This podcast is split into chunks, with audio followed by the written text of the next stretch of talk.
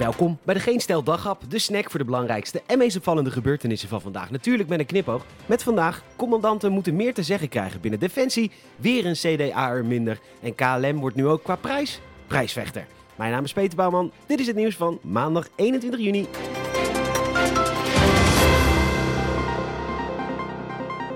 De afgelopen jaren is Defensie flink onder de loep genomen vanwege een aantal dodelijke incidenten. Het AD meldt dat vandaag het laatste jaarverslag is gepubliceerd van de Visitatiecommissie Veiligheid en Defensie. En daarin staat dat commandanten meer zeggenschap moeten krijgen over de veiligheid van hun manschappen. Ze hebben namelijk geen invloed op welk materiaal ze krijgen. En dat kan natuurlijk gevaarlijke situaties opleveren.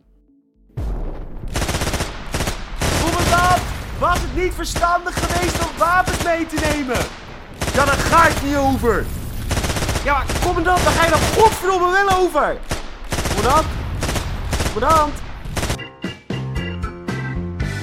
Het was een opsteker die het CDA al langer nodig had. De peiling van Maurice de Hond van afgelopen week, waarin het CDA een knappe virtuele uitslag had van zes leden. Helaas zullen de peilingen de komende week negatiever uitvallen, want de partij is nu ook Dries van Acht kwijt. Een aderlating, aangezien het in de lijn der verwachtingen lag dat de 90-jarige Sleepy Dries wederom een gooi zou doen naar het premierschap. De reden van het verlaten van de partij is niet de nieuwe functie van Omtzigt, ook niet de vreemd ruikende deal van Siewert van Linde. Nee, de partij gaat niet barmhartig genoeg om met de Palestijnen. Ik quote: Het gedrag van de CDA-fractie heeft mij diep teleurgesteld en gegriefd. Ik zeg u vaarwel in treurnis. God, wat een drama met die man.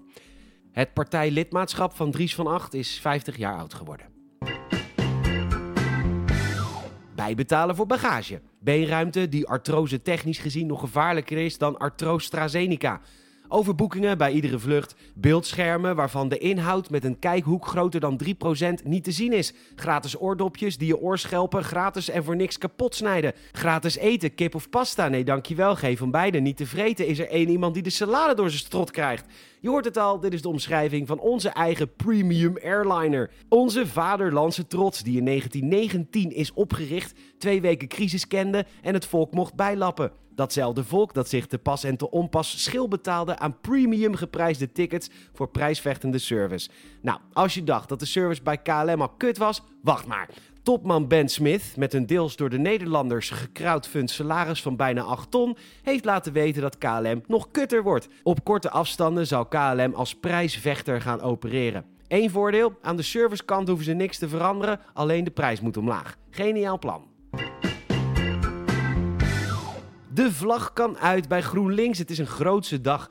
De politie in Rotterdam heeft namelijk 820 kubieke meter illegaal hout in beslag genomen. En dat staat gelijk aan 40 vrachtwagens vol. Het betreft azobe, een zeer duurzame houtsoort uit Afrika. En dat betekent stoken als biomassa. Van harte gefeliciteerd, Jesse.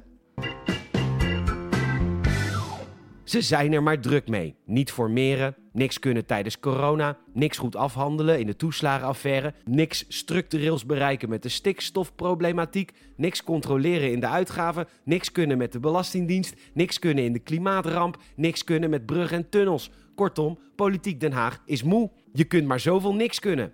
Kamervoorzitter Bergkamp vindt dus dat het zomerreces echt een zomerreces moet zijn, dat meldt de NOS. En dat hebben ze echt verdiend. Even helemaal niks.